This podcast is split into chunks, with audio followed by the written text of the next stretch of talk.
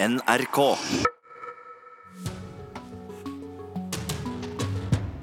Det er historisk sus over eh, Kulturnytt i dag. Kære landsmenn. I hjertenes og sinnenes stille fest, som ikke noen voldsmann kan ta fra oss, møtes dere hjemme og vi her ute i dag, 17. mai.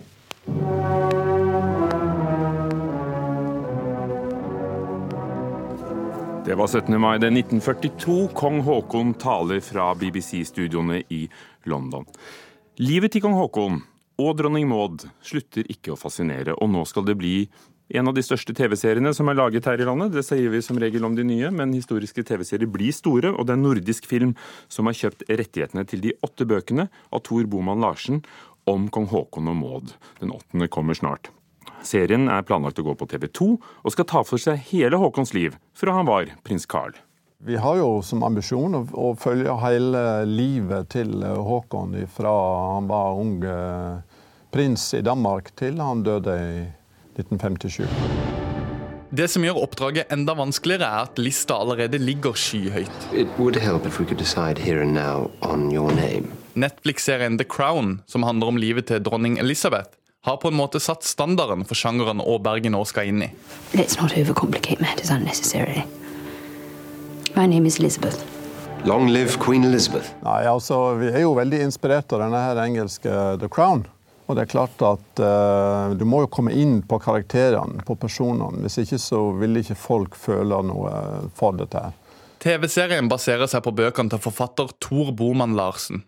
Han har skrevet syv bøker om kongeparet, og holder nå på med den åttende, som skal ut til høsten. Ja, Historien om uh, kong Haakon og dronning Maud den er helt unik i europeisk og internasjonal sammenheng. Det er en fantastisk fortelling egentlig om uh, hvordan en ukjent dansk prins kommer til et fremmed land med sin britiske hustru, og så å si gjenreiser uh, det selvstendige kongeriket Norge. Boman Larsen synes jobben kong Haakon gjorde for Norge, er spesiell i europeisk sammenheng. At han blir valgt er i og for seg ikke så eksepsjonelt, men at han holder eh, dette kongeriket gående og sin plass på tronen gjennom revolusjoner og verdenskriger, med den enkle bakgrunnen han har, og med de veldig vanskelige forutsetningene, det er en uh, unik både menneskelig og politisk historie. Samtidig med at Boman Larsen skriver ferdig den siste boka i serien, jobber Nordisk Film med TV-serien. Kong Haakon dro som kjent til England da han trengte hjelp, men produsent Aaberge skal til Tyskland. Da er det på tide å begynne å finne samarbeidspartnere ute. På lørdag så begynner jo filmfestivalen i Berlin. Så jeg drar dit uh, primært for å få, uh, få opp interessen fra mulige samarbeidspartnere ute i Europa. Og Den filmfestivalen skal vi snart uh, snakke mer om her i Kulturnytt, for den åpner med, med, første visning i dag. Men her var det om serien om Håkon og Maud, som etter planen kommer på TV 2 i 2022. Reportere Daniel Eriksen og Marianne Rustad Karlsen.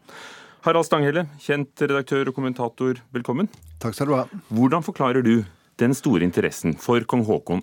Åtte bind har Tor Boman Larsen skrevet, og nå kommer det en TV-serie. Og i tillegg arbeider NRK om en stor serie om kronprinsesse Märtha, som er gift med Olav. Ja, Det er jo en dramatisk historie, men det er også en dramatisk tid. Eh, og kong Haakon forma jo eh, det norske kongedømmet sånn som vi kjenner det i dag. Eh, kong Olav, kong Harald står på skuldrene hans.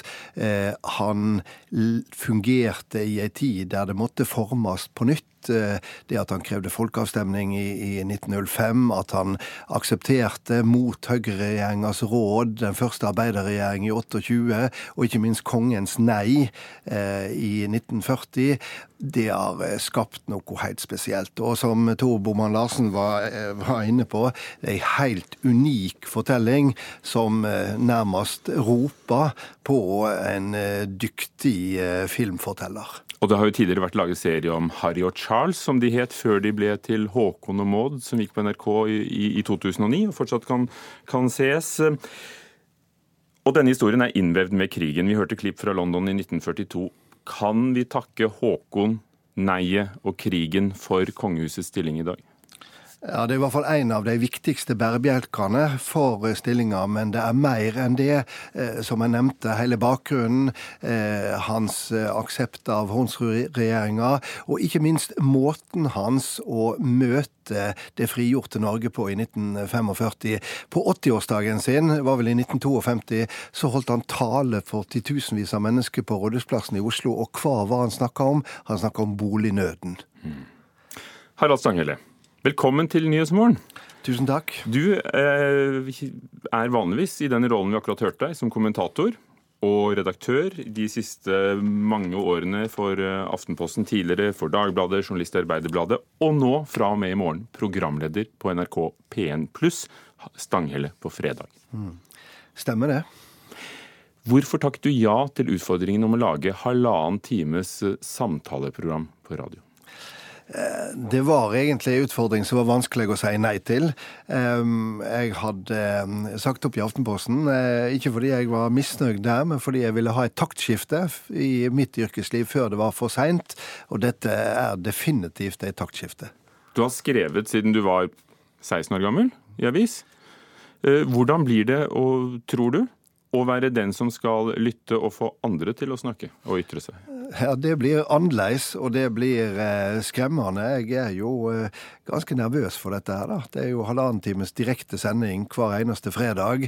Eh, og dette er noe der jeg virkelig er debutant. Og så tenker jeg jo òg at det er jo et privilegium å få debutere som 63-åring med noen som er innafor ting jeg har jobba med tidligere, men samtidig er det noe helt nytt, ikke minst forma. Og så begynner det med tema som, som nettopp problematiserer samtalen. Ja, det er riktig. fordi at uh, til uh, premiereprogrammet i morgen så har jeg invitert uh, Fredrik Skavlan og Dambjørg Akerø, som skal snakke litt om den leirbåleffekten som samtaleprogram kan ha, ikke minst på riksdekkende TV og kanskje også radio. Jeg er veldig opptatt av det nettopp i en så fragmentert tid som vi lever i. Betydninga for et samfunn at en har noen sånne felles leirbål. Det skal vi snakke om, og mye mer. Tror du vi klarer å, å holde på disse samlingspunktene? Eh, det vet jeg ikke, men jeg vet det er et poeng å gjøre det. Fordi at eh, det å ha noe felles i et eh, samfunn, det fungerer som lim, og det er vi helt avhengig av. Apropos det vi var inne på med en tidligere konge, og det å finne fellesnevneren i et samfunn.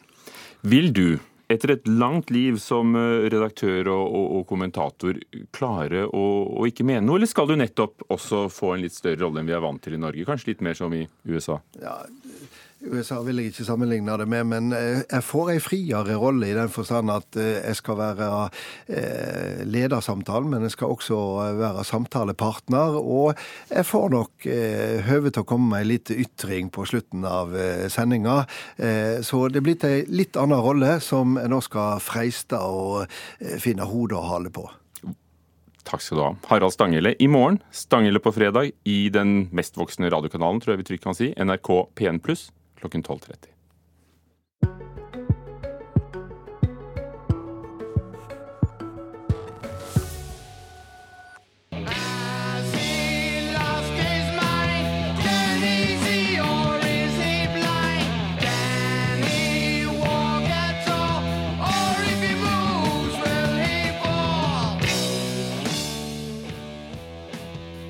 Skarpe ører vet at dette er Ossie Osborne, som nylig har vært syk og derfor har avlyst den planlagte europaturneen. Og nå, eh, nå, skriver flere aviser at han eh, er innlagt på sykehus. Kulturreporter Kristian Ingebretsen, hva vet du?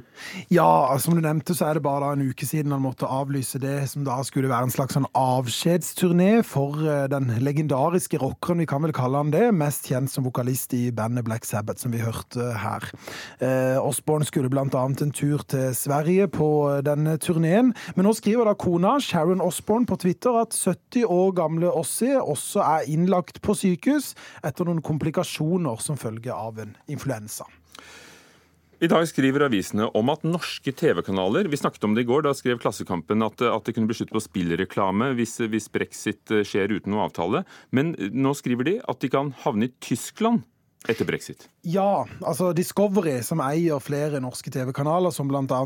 Fem, Max, Vox og Eurosport, de eh, frykter da å miste flere hundre millioner eh, kroner i eh, reklameinntekter fra utenlandske spillselskaper. Eh, disse TV-kanalene de sender i dag fra Storbritannia, og de kan da sende TV-reklame for utenlandske spillselskaper derfra, eh, fordi det er forbudt i Norge. Men pga. usikkerheten i Storbritannia knytta til brexit, så har da Discovery nå søkt om å flytte disse TV-kanalene til Tyskland i stedet, for å kunne fortsette å sende spillreklame. Det skriver eh, Dagens Næringsliv i dag. Og det er nettopp det vi skal. Flytte oss til Tyskland. God morgen, Birger Vestmo, filmkritiker i NRK. Du er på plass foran Berlinalen. Ja. I dag starter altså den internasjonale filmfestivalen, Berlinalen, en av de, de store festivalene. Eh, Hvilke norske filmer vil gjøre seg gjeldende i år? Ja, Det er først og fremst 'Ut og stjele hester' av Hans Petter Moland, som vises i hovedkonkurransen her på lørdag. Den er jo da selvfølgelig basert på Per Pettersons populære roman, som vant Kritikerprisen i 2003, og har Stellan Skarsgård, Bjørn Floberg og Tobias Santermann i de største rollene. Eh, så det er en film det knytter seg store forventninger til. Eh, 'Månelyst i Flåklypa' vet vi allerede er bra, for Rasmus A. Sivertsens eh, film er jo allerede sett av 420 000 nordmenn på kino. Den vises her i Berlin i sideprogrammet 'Generation'. Så har du dokumentaressayfilmen 'False Belief' av Lene Berg, som vises i Forum Expanded, et sideprogram som fokuserer på filmkunst. Det er også et par norske kortfilmer med på programmet i år, nemlig 'Pappa' av Atle Blakseth og Einar Dunseth, og 'Skipack' av Fanny Ovesen, som deltar da i generasjon K+. Og så vises Liv Ullmanns debutfilm 'Ung flukt', regissert av Edith Kalmar, i sideprogrammet Berlinale Classics. Så det er de helnorske filmene som står på programmet i Berlin i år. Ung flukt, ja, med Liv Ullmanns første film. Men foruten disse filmene da, som enten vises eller deltar i konkurransen, så har jo Norge en ekstra tilstedeværelse i år. Og poenget er å gjøre inntrykk på festivaldeltakere. Hva, hva handler det om, og hvordan skal det skje? Ja, Norsk Filminstitutt har rett og slett bygd et midlertidig hus på en parkeringsplass, med støtte fra Kulturdepartementet, Utenriksdepartementet og den norske ambassaden her i Berlin. Og det her kalles den største internasjonale kultursatsinga Norge noensinne har stått for, og åpnes av kulturminister Trine Skei Grande her i Berlin i morgen. Og Det hele heter da Norway House. Og Bakgrunnen for det her er at det europeiske filmmarkedet på filmfestivalen i Berlin oppretta et fokuslandprogram i 2017 for å gi filmbransjen og filmskapere i ett land muligheten til å presentere seg sjøl for den internasjonale filmindustrien. Så Mexico var fokusland i 2017, Canada i fjor, og i år er det da altså Norge. Så i Norway House skal det den neste uka være full aktivitet, der man kan møte norske filmskapere, produsenter, folk fra ulike filmfond, kommisjoner og regioner. og selvfølgelig da representanter fra Norsk Filminstitutt. Vi hører jo om filmfestivaler i Venezia, Cannes, Sundance, Tromsø. Hvorfor er det viktig å være i Berlin? Ja, Det er jo en stor, viktig filmfestival med et enormt omfang. Det er jo en svær publikumsfestival. Altså I fjor ble det solgt ca. 350 000 billetter. og Det er i tillegg til alle de som er akkreditert fra presse- og, og filmbransje. Og Man kjemper jo da om gull- og sølvbjørner som henger høyt. Så her er det viktig å vise seg frem. Og som jeg sa, det europeiske filmmarkedet pågår her og er en viktig arena for kjøp og salg av, av eksisterende film og kommende prosjekter. Og hva er det da du, som filmelsker og kritiker, ser mest frem til under årets festival, Birger Vestmo? Ja, På papiret så ser det kanskje ikke fryktelig spennende ut, må jeg innrømme. Men det kan jo være et helt annet inntrykk etter at festivalen er over. Men jeg ser jo fram til åpningsfilmen 'The Kindness of Strangers' av danske Lone Skjerfig, kjent for 'Italiensk for begynnere' og 'An Education'. Fatih Akins nye film 'Den gylne hansken' skal vises her, og handler om en seriemorder i Hamburg-bydelen St. Pauli.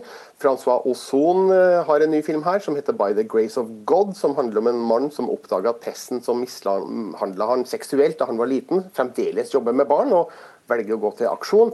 Og så ser jeg veldig fram til å endelig kunne se konsertfilmen 'Amazing Grace' av Sydney Pollack, eh, der vi følger innspillinga av Aretha Franklins legendariske liveplate fra 1972. En film som har vært klar lenge, men Franklin nekta å utgi den mens hun ennå levde. Nå er Franklin borte, og filmen skal vises her i Berlin. Store navn, store filmer. Etter hvert kommer de til Norge òg. Takk skal du ha, vår kritiker Birger Vestmo.